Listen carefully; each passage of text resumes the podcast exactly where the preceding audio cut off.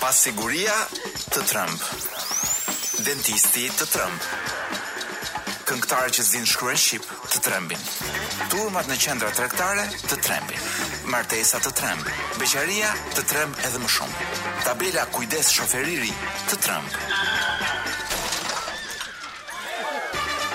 Çmimet e shtëpive të trembin, kredia të tremb. Po ky është një emision që nuk ju tremb. Sot nuk është e hënë. Mua edhe kjo situata post eh, Big Brother më tremb. Jo më tremb, po më fut një ankth, domethënë nga i cili nuk di të shpëtoj. Ë, eh, Ka vazhdimisht histori që dëgjoj me njerëz që u ka rënë të fikët kur kanë marrë vesh rezultatet e votimeve, kush fitoi, kush s'fitoi. Njerëz të cilët janë gati të shpërthejnë, të vijnë, të, të mblidhen në Tiranë, të hedhin qeverinë për të restauruar atë që mendojnë që është fituesi i vërtetë sipas tyre i Big Brotherit. Dhe janë të njëjtit njerëz që në fakt kanë një shkop të madh në një vend delikat po që nuk e shohin, domethënë nuk e shohin dhe nuk shohin hallet e veta, nuk shohin çmimet e çmimin e, po themi, e karburantit etj etj, por ka një shqetësim shumë të madh dhe janë gati të përmbysin qeverinë për një Big Brother. Dhe këtu nuk më del shumë llogaria. Dhe pastaj e rimendoj dhe e kupt e mundo mendoj sikur e gjej se ku është problemi. Problemi i vërtetë është Sinan Hoxha. Do ne jemi shumë ne dëgjojmë shumë Sinanin. Do Sinani është me gjithë respekt është një nga më të mirë të zhanrit të vet, por uh, kam idenë që kemi rënë në këtë në një lloj bataku të menduari, siç kemi rënë edhe në një lloj shije ë uh, që do thoja nuk është shumë identifikuese për mendimin tim e e një rinie europiane. Gjatë gjithë kohës vajbi që kam marrë unë apo vibrimi që kam marrë unë gjatë Big Brotherit është një ë një kolonë muzikore shqetësuese. Një si lloj tallavaje, domethënë që vihej aty që luhej aty etj etj. Dhe kam vendosur që unë si gjithë Shqipëria, meqenëse gjithë Shqipëria u ngrit kundër vendimit, ose gjysma e Shqipërisë nuk ra dakord me vendimin. ose me me me votimin e gjysmës tjetër të Shqipërisë, edhe unë kam vendosur të ngrihem kundër muzikës së përdorur në Big Brother. Kështu që sot do të jemi shumë rock nga fillimi deri në fund. Do ta fillojmë me rock dhe do ta mbyllim me me rock të rëndë fare madje. Thjesht sa për të rivendosur ca balanca muzikore në këtë vend. Kështu pra, mbas publicitetit gjithmonë do të merrni një dozën e parë të vogël, është si puna dozës së parë të, të vaksinës, ë nuk mjafton, por është sa për një fillim. Sapo dëgjuat uh, The Scorpions me Seventh Sun që është uh, për të përdorur këtë gjuhën tonë uh, të përditshme është hiti i radhës. Ë uh, Hiti i radhës, domethënë hiti më i ri i Scorpionsave, do thoja unë. Ë, çfarë kemi DJ Wiz, mos duhet të lëshojmë një këngë tjetër sa ta zgjidhim këtë problemin e fishkëllimës? Kam një fishkëllimë në vesh, apo të vazhdojmë pa e pyetur, domethënë sikur jemi në luftë. Do fusim një këngë thotë DJ Wizi dhe për të vazhduar, do do kthehemi tek lajmet. Këta ishin Five Finger Death Punch me The House of the Rising Sun, do ta rivë prapë një herë tjetër për ta dëgjuar mirë, domethënë, sepse është një grup shumë simpatik i i rokut të rëndë, me një nga këngët më të mira të rokut të vjetër. Ku jemi? Jemi tek lajmet e javës që kaloi, e kemi ndrequr atë fishkëllimin që na bënte bëz bëz në vesh, edhe në mikrofon. Dhe ja ku kam përpara meje ngjarjet më të rënda, do thoja unë që kanë ndodhur në Shqipëri javën e kaluar, ku më e rënda u mor vesh është është mbyllja e Big Brotherit, e cila shkaktoi dëme të shumta kolaterale. Përveç kësaj po ndodh edhe diçka tjetër më pak e rëndësishme që është lufta në Ukrainë, ku dhe Shqipëria është përfshirë tashmë fuqishëm. Është pak a shumë si ajo barcaleta e elefantit dhe karkalecit, se ç'është diçka e tillë që kalojnë urën një elefant dhe një karkalec dhe karkaleci i thotë elefantit e shikon si tundet ura nën këmbët tona o o vlla elefant. Kështu edhe Shqipëria, domethënë në bisht të NATO-s, një shtet praktikisht pa ushtri, ë pa ushtri dhe me ku di unë me ca që veshin një organe të për, ose marrin perde dhe i përshtasin për veshje etj etj kemi dëgjuar plot skandale edhe me veshjet me gjërat ë edhe kur na çojnë jashtë shtetit na përdorin pardon kryesisht na, na lëshojnë përpara për të testuar minat nuk di ç'bëjnë ose ndoshta na përdorin në kuzhinë pra një vend që Rusia mund ta pushtojë dhe me një vapor turistësh Pra pa qenë nevoja të përdorë asnjë armë ushtarake, vetëm një vapor turistësh rusë, unë besoj që pushton Shqipërinë. Megjithatë, ë Shqipëria nuk ngurron së kërcënuari në thonjëza Rusinë. Po lexoj këtu që gjatë javës së kaluar Rama dhe Olta Xhaçka thotë një media i bëjnë thirrje Putinit të, të tërhiqet nga Ukraina. Unë u tremba njerëz e thashë Ramën sigurisht që Putini nuk e llogarit, po me Olta Xhaçkën sigurisht që do t'i bëjë mirë llogaritë. Në fakt nuk është vetë zonja Xhaçka, është Ministria e Jashtme që mbas vizitës së kryeministrit dhe ministres së Jashtme në Shtetet e Bashkuara javën e kaluar për takimin e Këshillit të Sigurisë në OKB, ë ne kemi parë të arsyeshme që të tregojmë entuziazmin tonë luftarak dhe kemi bërë një thirrje me anë të Ministrisë së Jashtme ku i kërkojmë Rusisë të tërhiqet nga agresioni në Ukrainë. gjithmonë në kuadrin e barca, e barsaletës me elefant dhe karkalec. Ë, ndërkohë nga ana tjetër Moska zyrtare pas ka bërë një deklaratë të fortë, mercenarë nga Shqipëria dhe Kosova janë dërguar në Ukrainë. Ky ishte një lajm që më rrënqethi. sepse që ne që shqiptarët po ikin në masë drejt Gjermanisë këtë e dim, ë por kjo thyrje e trendit, dhe ndoshta gjë për të gëzuar që po e thyen trendin dhe në vend Gjermanisë tashmë kemi zgjedhur Ukrainën. Ëm, por jam shumë i shqetësuar se mirë truri që po na ikën, mirë mjekët që po na ikin, infermierët që po na ikin. Tani po na ikin dhe mercenarët. Domethënë e vetmja gjë për cilën ne mund të krenoheshim si komb, mercenarët po ikërkan në Ukrainë. Si me thënë, Mirë infermier që s'ka po asnjë mercenar të hajrit për të bërë dy pare muhabet në në këtë vend nuk e ke. Dhe turp shteti që nuk u jep mundësi mercenarëve për të kontribuuar në vendin e vet. Afera e inceneratorëve sigurisht një gjë e vogël pa pikë qederi nuk ka arsye pse t'ju ketë mërzitur. Ë shikon fatura se si paguan se si Zoto paguan Zoton për të këshilluar Zoton. Stela paguan Stelën për të këshilluar Stelën. Pra janë gjithë këto Faturat dhe gjithë dokumentet që po dalin lidhje me këtë aferë, mua nuk më duken fare dokumente. Mua më duken poezi në fakt. Po poezi nga ato të të padëgjuarat kurrë më parë. Si me thënë, ky Zotua më duket, ku di unë, si si lideri i Nouvelle Vagut në poezinë e re shqiptare. Ë dhe për ta mbyllur se DJ Wizi më thotë duhet të lëshojmë ca reklama tani. Për ta mbyllur me lajmet e javës që kaloi, ë kryeministri Më në fund ka thënë diçka në lidhje me skandalet e njëpasnjëshme dhe më i fundit është ky i inceneratorëve. Thotë mund të ketë pasur individ që mbrapa shpinës së qeverisë ka abuzuar me pushtetin. Si me thënë, lopa mbeti me barrë. Viçi u rrit dhe u shit. Viçi u hëngër, por kryeministri tashmë është i bindur që ka pasur penetrim. Domethënë ka pasur një ndërzim të lopës. Siç është tradita në Shqipëri, vetëm Enveri nuk dinte gjë. Pastaj gjithçka tjetër ndodh, por ai lart nuk di gjë. Uji turbullohet rrugës. Nothing to fear. Këta ishin uh, Santana me Everlast. Everlast uh, që pas kësaj kënge është zhdukur nga qarkullimi, më duket ka bërë dhe një këngë tjetër. Dhe që po mos ishte kjo këngë që ka bërë me Santanën, repist ky. Uh, për ata që nuk e njohin, ndoshta s'do mbahej mend për asgjë. Përveç sherreve me Eminemin se ç'bën don, gjithë gjëja më kurioze për të që u zu një herë me Eminemin dhe e mbajtën 10 vjet. Domethënë bën 10 vjet famë për sherrin që kishin bërë. Pak a shumë siç do mbahet mend Don Xhoni për sherrin me Sinan Vllasaliun. Pa sherrin në distancë do thoja unë po. Unë besoj që ai sherr mes muzikantësh të brezave nuk do përfundojë aty. Kështu pra. Jemi tek pjesa e librit të javës. Unë si rregull duhet të kisha ardhur edhe sot me një libër nga Borgesi.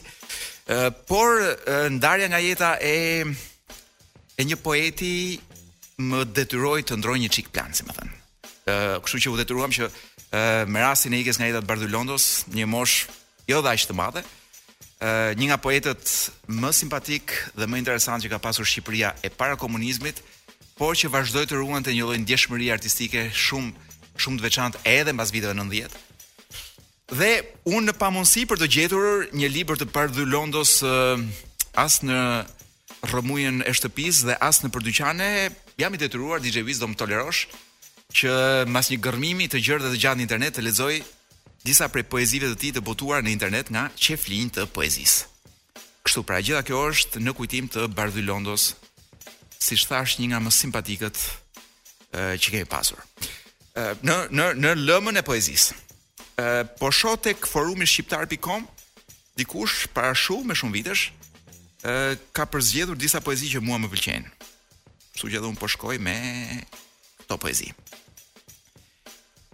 Poezia e parë e Bardhyl Londos vetëm Itaka mbetet.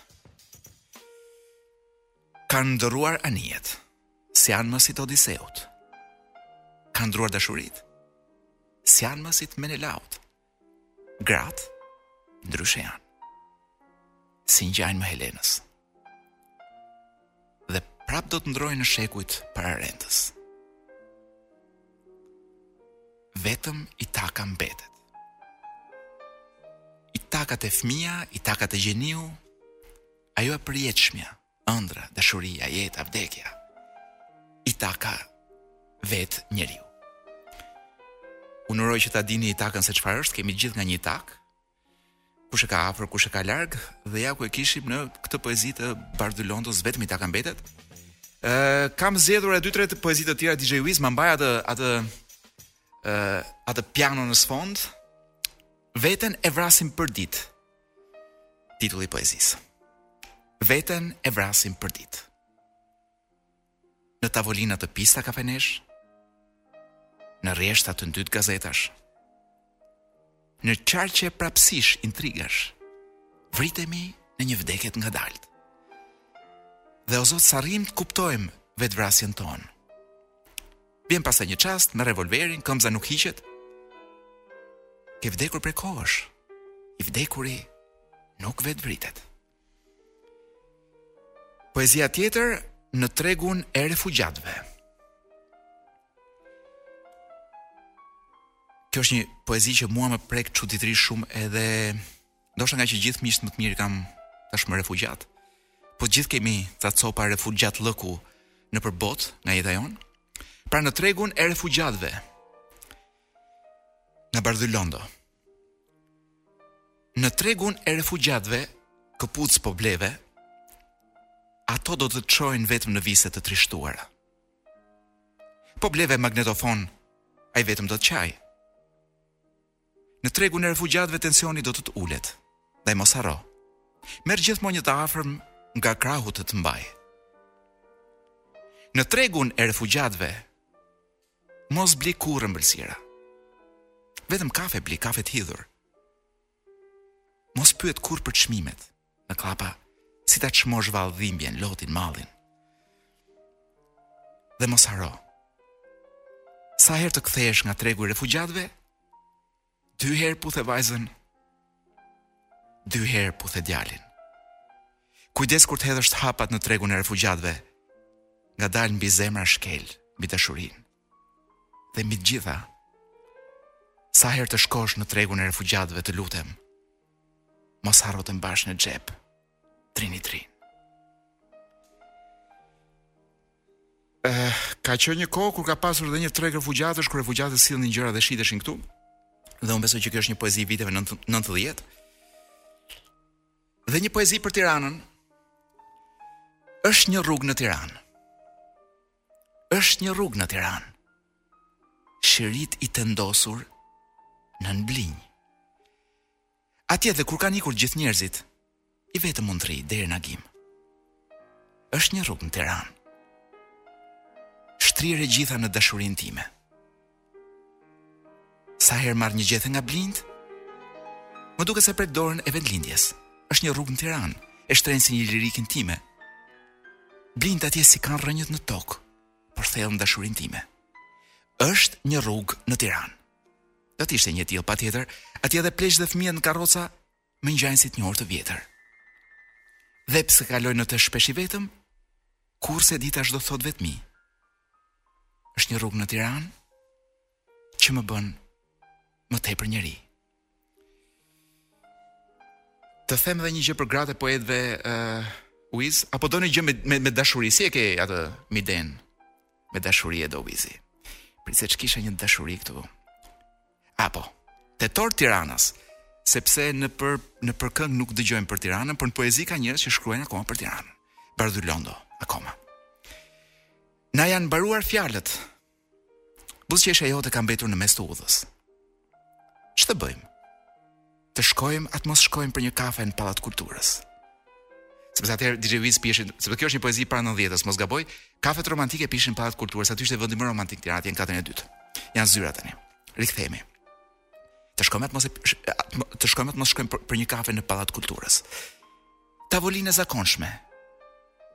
Tej dritares qyteti vishet në muzg. Një gotë ujë për të dy. Kafja jote e mbetur për gjysmë, imja pirë deri në fund. Për gjysmë, për gjysmë, për gjysmë. Fjala, buzëqeshja, ledhatimi. Si dy shina paralele përjetësisht të privuara nga ndarja, përjetësisht nga takimi. Sa herë t'i puthja sytë e bukur, papritur binte briri i kushtrimit. E thërrisnin ushtarë, domo. Kohë e ashpër. Ne që ishim aq të etur për njëri-tjetrin, të ndarë, na duhej të vdisnim. Tani DJ Wiz, unë shpresoj që të mos kemi bërë ato dëme që bëri Big Brother duke vrarë njerëz, domethënë duke duke duke çuar në reanimacion me dhjetra teto edhe xhaxhallar, të cilët në një moshë të thyer nuk e kanë kuptuar akoma që garat kështu janë, mund të fitojë ky, po mund të fitojë ai. Kështu pra. Ë respekt për Bardhyl London, siç thashë një prej njerëzve më interesantë dhe poetëve më të mirë që ka shkelur në këtë tokë, edhe që vazhdoftë të shkelë këtë tokë. Ë do t'ju lëshojmë gjithmonë në frymën rock, kam zgjedhur një grup rocku meksikan. Është grup rocku meksikan, është shumë i mirë. Ë por këta bëjnë një gjë që rockun shpesh herë e miksojnë edhe me e miksojnë edhe me me me me, me, me pak rap me, di unë, me një energji repiste do thoja unë më shumë se sa rap, por vazhdojnë të ngelen në thelbin e tyre një rock shumë bashkëkohor, edhe si mund ta themi ndryshe me një me, me një fjalë të vetme DJ Wiz. Janë një rock rrëngjethës. Të rrëngjethin. Molotov është emri i grupit. Pra, që nga emri janë kështu, duket që do të lëshojë një bombë në kokë. Pri, nuk e di mirë ta lexoj spanjisht, por sepse nuk kam konsumuar shumë telenovela spanjolle sa ta mësoj një çik spanjishten, dreqi e mori, turp të më vijë. Duhet të jetë diçka e tipit Frijolero. Këta ishin Molotov, një grup roku meksikan, pa, është një, siç thashë, është një grup roku ku ka mikse rrymash, ka dhe hip hop brenda. Dhe tani do të lëshohemi DJ Wiz në një prej temave të mia të preferuara, që është tema më pak e preferuar në Shqipëri. Depresioni. Meqenëse gjithë bëjmë sikur nuk e njohim, sikur nuk e dimë, sikur nuk jemi, sikur nuk e kemi, në fakt jemi një komb që vuan në mënyrë kronike nga depresioni. Ë, gjithë bota po vuan nga depresioni, madje un po lexoja dhe këtë desha ta ndaj me ju, një inf, po lexoja një artikull të gjatë në New York Times ku flitej për një studim të një të bërë shumë mirë edhe goxha goxha të gjerë, i cili tregon se pacientët me Covid, Meqenëse është një sëmundje që po njihet pak nga pak dhe gjithnjë më tepër dalin informacione dhe studime për të, pacientët me Covid kanë shumë mundësi që t'i zhvillojnë ë këto nga këto çrregullime psi, psiqike mbasi e kanë kaluar Covidin, sidomos ata që sidomos ata që e kalojnë rënd. Pra, edhe bëhet fjalë për nuk bëhet fjalë për një shqetësim psiqik që e kanë pasur të shtypur në vetvete dhe po u del tani me rastin e Covidit, por po u zhvillohet një depres depresioni themi, po, ë variacioni i sëmundjeve apo i këtyre çrregullimeve psiqike është është shumë i gjerë. Pra diçka që ata nuk e kanë pasur dhe mund të mos e zhvillonin po të mos ishte Covidi. Dhe ky nuk më duket një lajm i mirë. Sidomos në një vend ë i cili e injoron vazhdimisht depresionin, jo vetëm kaq, po ka stigmë. Njerëzit më mirë thonë, domthon, është si puna e impotencës DJ Wiz. Dy gjëra ka shqiptari tmerr. Të thotë që kam çik impotencë, kemi edhe atë barsaletën e famshme me atë njeriu që thotë, më jep një nga ato e dini gjithë besoj. Më jep një nga ato kutitë e cigares që thotë që kush pi cigare bëhet me kancer, mos më jep këtë që thotë bëhet impotent. Pra kjo është ideja, e, frika shqiptare që mos ngjajnë sy të tjerëve sikur është impotent. Dhe të njëjtën gjë kemi edhe në raport me depresionin. Ndërkohë që është diçka e cila, sepse njerëzit me depresion DJ Wiz dhe mund ta vreni edhe ju rrotull jush, ë mund të duket sikur bëjnë një jetë normale. Domethënë zgjohen nga gjumi, e sforcojnë veten, vinë në punë, bëjnë punën e tyre, shkojnë në shtëpi, shkojnë në shtëpi dhe pastaj ndezin televizorin dhe i ngulin sytë aty kështu në mënyrë të përhumbur. Shkojnë dhe të flenë dhe nuk flenë. Pra, në dukje nga jashtë gjithçka është normale, nga brenda mendjes së tyre po ndodh diçka jo e mirë. Dhe gjëja më e rëndësishme që mund të bëjmë është që gjithë ta pranojnë që e kanë ose ta kuptojnë që e kanë, edhe të kërkojmë një trajtim që nuk janë ilaçet, kjo është shumë e rëndësishme. Pra nuk është se ia rrase me ca ilaçe ti aty dhe shpëtove, ka vetëm një mënyrë dhe kjo është mënyra që ta flasësh me një ekspert e, psikiatër ose psikolog. Kështu pra. E, në lidhje me atë që po thoya për Covidin, e, arsyet kryesore ndoshta pse ë si me thënë çfarë ka kontribuar më tepër do thoja unë ë në pacientët me Covid që Covid që të zhvillojnë edhe aspektet e depresionit apo të ankthit, janë sigurisht izolimi social që kemi pësuar gjithë, stresi ekonomik, që ne këtu e njohim ndoshta edhe më mirë se në botë, humbja e njerëzve të dashur për të cilën pak flasim, por ne kemi humbur shumë prej nesh njerëz shumë të dashur nga kjo sëmundje dhe do na duhet kohë edhe mbështetje për ta kaluar. Nga ana tjetër po lexoja sa kohë kam DJ Wiz, se unë mund të flas pafund për këtë temë, se është tema ime e preferuar. Sot nuk është e hënë dhe është pikërisht momenti kur ne do t'ju sjellim një këngë nga këto që kanë bërë historinë e rrokut dhe un kam përzgjedhur një këngë nga Tom Petty i cili u largua prej nesh në moshën e njomë 66 vjeçare para ca vitesh. Sepse, ku di unë, seç i futi disa ilaçe qetësues të gjitha bashkë, domethënë për të qetësuar dhimbjet e trupit dhe nuk u zgjua më të nesërmen për fatin e keq. Ë Tom Petty është një nga ë muzikantët më interesantë të të rockut të të të fillim viteve 80 dhe kjo nga që ndoshta nga që ka qenë një nga protagonistët më të mirë, do thosha unë më të njohur edhe më të luajtur në MTV në asaj kohë. MTV është formuar në 81-shin, dhe gjeti si me thënë Tom Pettyn të pjekur në në në degë edhe e kputi dhe e futi në MTV nja 10 vjet domethënë vetëm Tom Petty në në gjithë MTV. Kënga që kam zgjedhur është një këngë që ai e ka luajtur me grupin e tij, pra grupi ishte Tom Petty and The Heartbreakers. Është një këngë që ju mund ta keni dëgjuar në qoftë se jeni fansa të Peaky Blinders. Ë në mos gabohem është pjesë e kolonës zanore të të serialit. Dhe është një këngë që është një himn do thoja unë i rockut për disa arsye. E para sepse në një kohë të vështirë, siç thuhet që ka qenë, pra gjitha këto i kam me të thëna nga nga gjyshrit, një kohë e vështirë për për rockun kur diskoja kishte pushtuar botën, ku di unë. Ë kjo ishte një nga këngët që e riktheu edhe një herë, si me thënë, vuri e stabilizoi edhe një herë dominancën e rockut të paktën për sa i përket perëndimit. Pastaj se ç'ndodhte në Iran në atë kohë, nga ana muzikore unë nuk di ta them. Flas gjithmonë për ngjarjet muzikore të perëndimit. Ë dhe Refugee është kënga një nga këngët do thoja unë më të njohura të të grupit. Dhe gjëja që mua më pëlqen shumë fakt është kitara, ë edhe pse duke lexuar revista muzikore vlerësojnë shumë sidomos ndërthurjen në versionin origjinal ndërthurjen e kitarës me organon e të tjera të tjera. Mua për vete tingulli i kitarës më vjen çik kështu si errët. ë po edhe i fortë, po edhe energjik, i ka të gjitha brenda.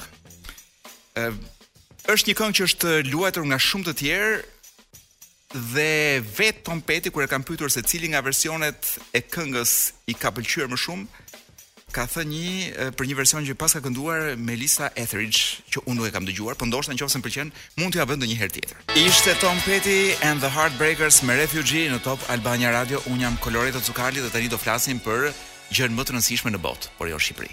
Në Shqipëri vazhdon të jetë çështja, pra ndërkohë që ne ishim shumë të shqetësuar se ç'ndodhte ë dhe ç'do ndodhë mbas Big Brotherit, ë bota në fakt ka një skandal tjetër në dukje më të rëndësishëm, por që nuk është aq i rëndësishëm sa ky joni, për të për të trajtuar dhe kjo është çështja e një banke zvicerane.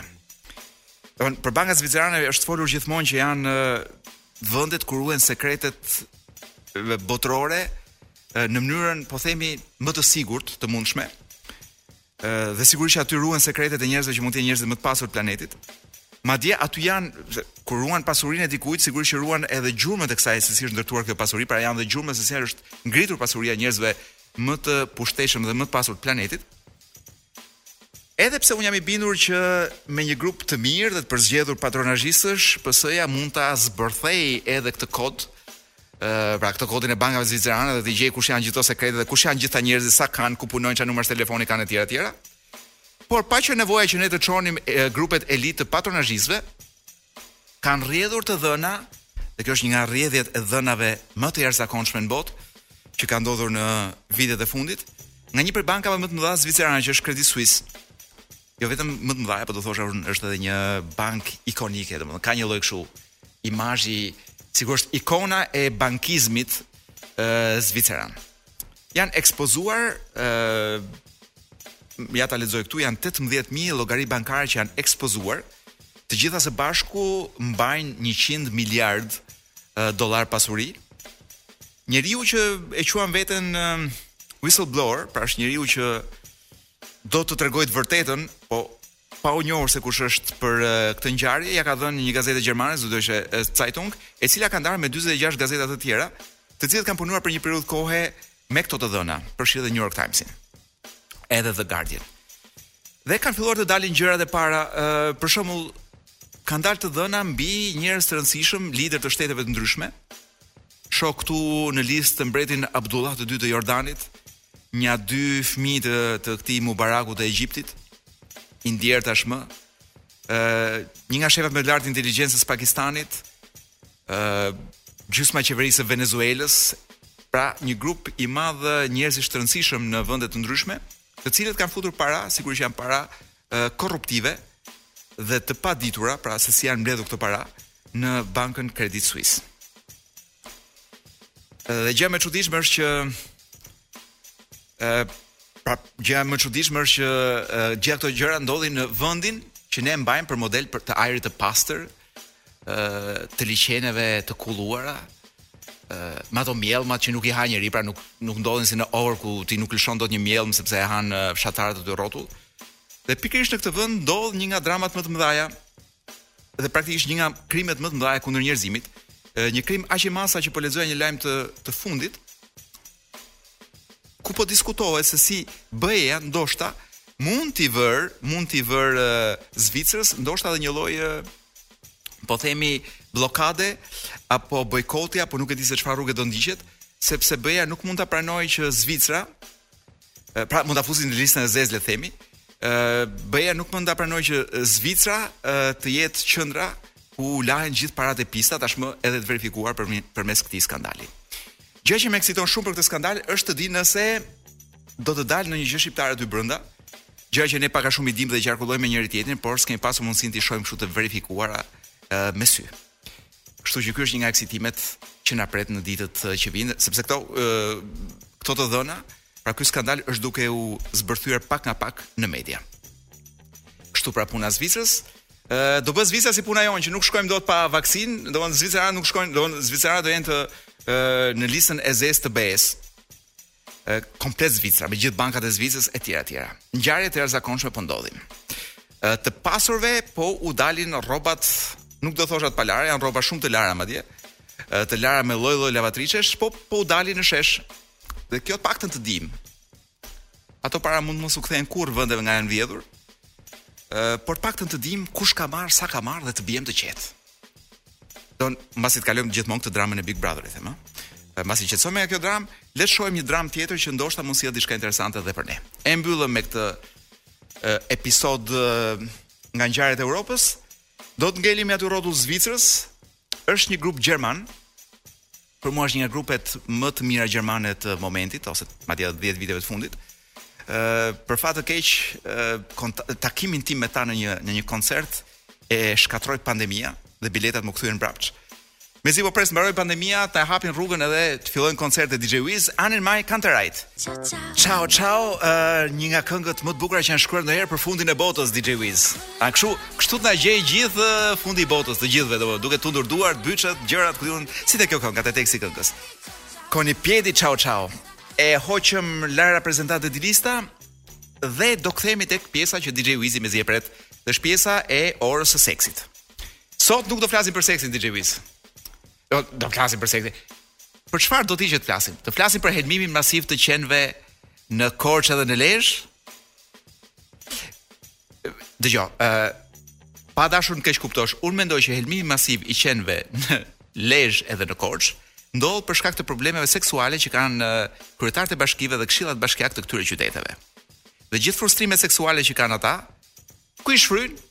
Meqenëse nuk vrasin dot njerëz, se kush vret kafshë mund vrasi nesër edhe njerëz, ë i shfryjnë te kafshë të gjora, pra një krim i madh kundër Do thoja un kundër emocioneve njerëzore dhe jo ndoshta kundër njerëzimit që ndodh në në Lezhë edhe në Korçë turp që t'ju vijë. E dikush duhet të hetojë për këtë, po sigurisht që kemi halle të tjera më të mëdha.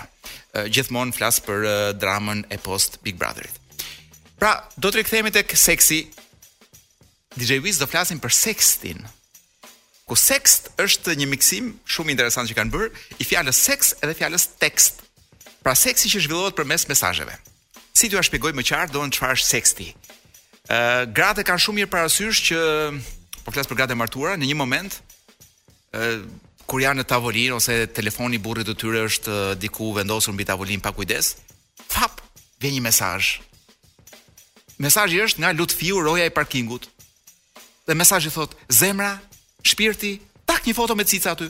Dhe ti thua, do, gra thon, "Ë ç'është ky roja parking, parkingu që të çon burrit tim?" Po, në fakt nuk është roja parkingut, është po themi një person që po bën sext me burrin tënd.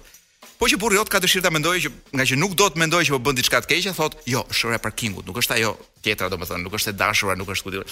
Pra ky është sexti kur dikush ë dërgon po themi tekste seksuale tek një person tjetër, Më duhet sqaroj DJ Wiz që kur çunat i çojnë gocave foto të pacipa të trupit të tyre dhe të organeve gjenitale ku di unë ose e kundërta, nuk është pa lejen e tyre, nuk është sexting, kjo është ky është ngacmim seksual dhe duhet çuar në polici. Un po flas për njerëz të cilët kanë rënë dakord të dyja palët që t'i çojnë njëri tjetrit nga këto lloj muhabetesh, po themi. Atëherë, të kthehemi tek tema në fjalë. Sexti është bërë një studim në Universitetin Texas Tech University, ë uh, një burrë dhe një grua, sepse kanë dashur që të jenë, si më thënë, të tëra palët të përfshira në këtë edhe një trans e shoh aty mbrapa në në, në fotografi. Pra, gjitha palët janë të përfshira në këtë studim, pra, nga pjesa e studiuesve dhe kanë tentuar të kuptojnë se çfarë i shtyn njerëzit që të bëjnë sexting, pra të bëjnë seks me anë të mesazheve apo të fotove. dhe kanë gjetur gjëra që mua më duken shumë interesante. E para, studimi është bërë me mosha 18 deri në 69 vjeç. Ë, kështu që gjysma e Shqipërisë nuk hyn këtu, sepse gjysma e Shqipërisë që bën sexting janë ose minoren, të cilët për një arsye të caktuar e dinë veten të rritur ose mosha mbi 69 vjeç që kanë mësuar që nuk dalin dot nga shtëpia për shkak Covidit, por ama shyqyr që kanë një celular smartphone dhe tashmë mund të bësh çudira.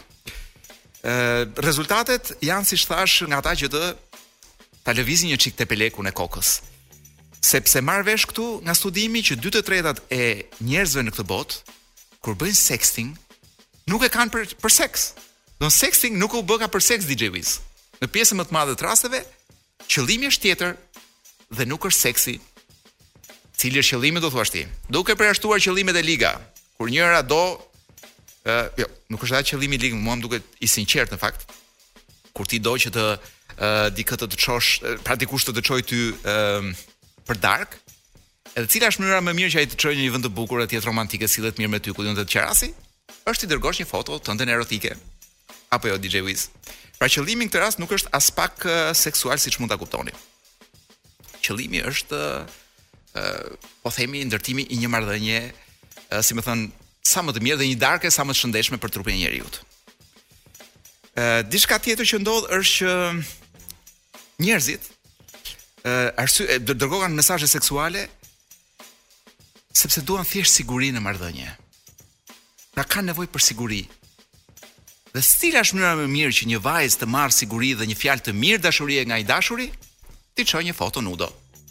Dhe është e sigurt që ai do thotë fjalët më të mira në botë, sepse siç e kanë thënë shqiptarët në shekuj, Një vajzë e mirë nuk është ajo që është e mirë, por është ajo që pranon të flejë me ty. Në kuptimin që të rrijë me ty.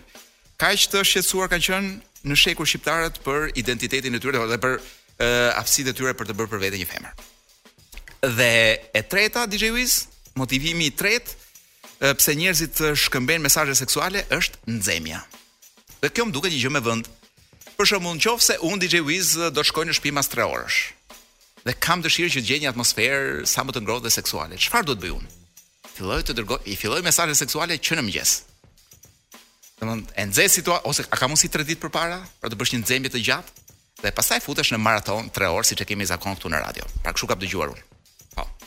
Ë çfarë kemi tjetër DJ Wiz? Këto ishin gjërat kryesore dhe gjëja që mua më pëlqeu është që motivet, këto tre motive kryesore pse njerëzit shkëmbejnë mesazhe seksuale janë të njëjta si për burra si për gra. Si për 18 18 vjeçar si për 60 vjeçar. Pra që do thotë në fund të fundit, çfarë jemi DJ Wiz? Jemi njerëz dhe jo kafshë si ata të Lezhës dhe të Korçës që po helmojnë në masë qentë e rrugës. Kështu pra. E mbyllëm dhe me orën seksuale. Rikthehemi tek ah, dhe meqenëse jemi te qentë e rrugës, Kemi një këngë me qen.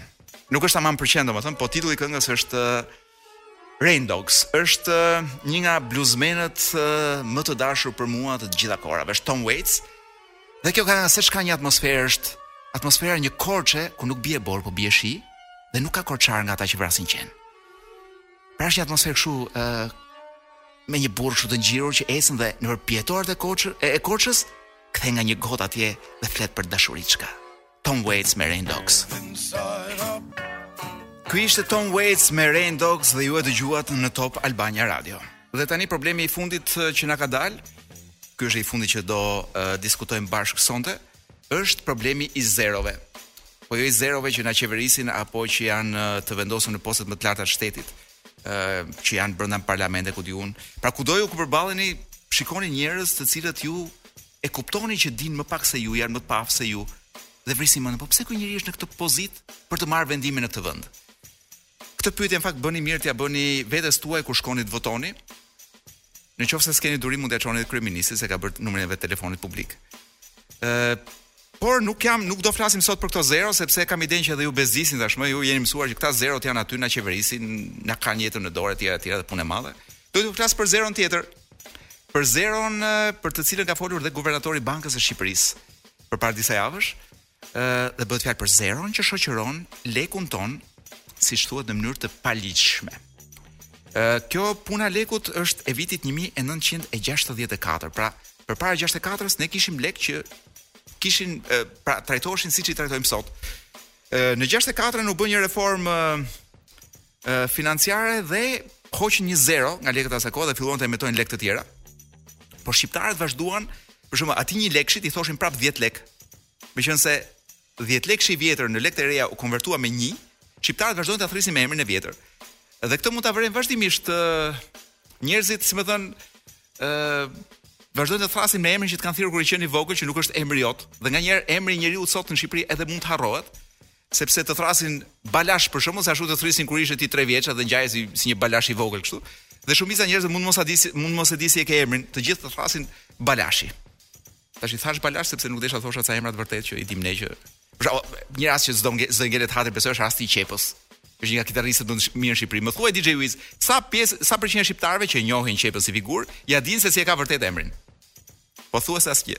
Të gjithë e njohin si Qepa, pse do thoni ju? Sepse ja, është si puna e lekut që na ka ngelur me atë zeron e paligjshme dhe e ka denoncuar vetë guvernatori i Bankës së Shqipërisë. Pra ky na qenka problemi më i madh i Shqipërisë, me sa kuptoj unë, Meqenëse problemet e tjera i zgjidhëm përmes futjes së parave, të miliardave të parave të pista, kryesisht në ndërtim, pra ekonomia po ecën shyqyr zotë, kështu që le të merremi me ca gjëra estetike si puna e zeros. Dhe me sa shoh un ka marr një ë uh, kjo puna e zeros është përhapur pak si lojë, shoh shumë njerëz, madje ka edhe banka të cilat po tentojnë të promovojnë heqjen e zeros. Mua më duket një një lëvizje shumë e panevojshme, e para sepse është diçka që na kanë injektuar që të vegjël dhe kam përshtypjen që është shumë e vështirë tash në, si me thënë, ë ta heqësh atë zeron nga goja. Ë pavarësisht se unë kuptoj problemin që kjo sjell për shembull dalin ca njerëz aty dhe kur duan të thonë diçka të keqe për qeverinë, flasin me lekë të vjetra, kur duan flasin për diçka ë të mirë, Domethënë, flasin me lekë të reja që të duken pak, flasin me lekë të vjetra që të duken shumë. Pra gjithë këto gjëra janë shumë të kuptueshme, por mua më duket uh, që nuk është ky rasti për të folur për këtë gjë, aq më tepër që shpresoj që me futjen tonë në Europë, uh, ne të mund të heqim përfundimisht lekun dhe të marrim euron.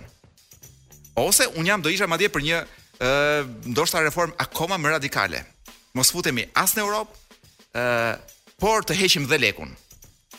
dhe të shpikim një monedhë të re nga e para, meqenëse gjithçka në Shqipëri po bëhet nga e para. Pra Shqipëria po rindërtohet nga e para dhe këtë gjë mund ta bëjmë edhe me lekun. DJ Wiz, e trasha muhabetin e lekut? Po, në një vend ku ka vetëm të holla dhe shumë pak të trasha, tema e lekut mbyllet me sugjerim të DJ Wizit. Për të ngelur brenda rrokut, një nga rrokaxhinjtë më të mirë që kemi në qarkullim, që është Eugent Bushpepa, ju vjen tani me një këngë rebele, domethënë rebele në titull të paktën, Rebel pa hije në Top Albania Radio. Ky ishte Eugent Bushpepa, një nga zërat më të mirë të rrokut shqiptar, unë kam pasur fatin ta dëgjoj vitin e kaluar në Borsh në festival dhe ishte një emocion i jashtëzakonshëm, i këndoi Rammstein më mirë sesa vetë Rammstein, ne do vazhdojmë të qëndrojmë në këtë venë muzikore për ta mbyllur edhe këtë natë që nuk është e hënë dhe për t'u rikthyer mbas një jave në Top Albania Radio. Kam zgjedhur një tjetër këngë rock, është rock i fortë, po bëuni burra, sepse nëse kemi, nëse ne për emigracion shkojmë në Gjermani edhe shkojmë në, ku di un, në Londër apo ku di un, dhe nuk shkojmë në Bullgari, un mendoj që Shqipëria është çik më rock se sa është tallava në këtë vend. Prandaj do ta mbyllim me një rock të mirë dhe të fortë britanik, për çunat e Londrës, që të mos dëgjojnë më tallava, po të dëgjojnë pak rock atje ku janë. edhe pse bari ua ka bërë domethënë vrima vrima trutë dhe është çik vështirë domethënë të, të mund të identifikohesh me, me, me gjërat e Londrës atje e kuptoj. Paradise Lost, Parajsa e humbur, The Last Time, rock i fortë, siç duhet për ta mbyllur. Sot nuk është e hënë, mbas një jave nuk do të jetë prapë e hënë me mua Koloreto Cukalin në Top Albania Radio.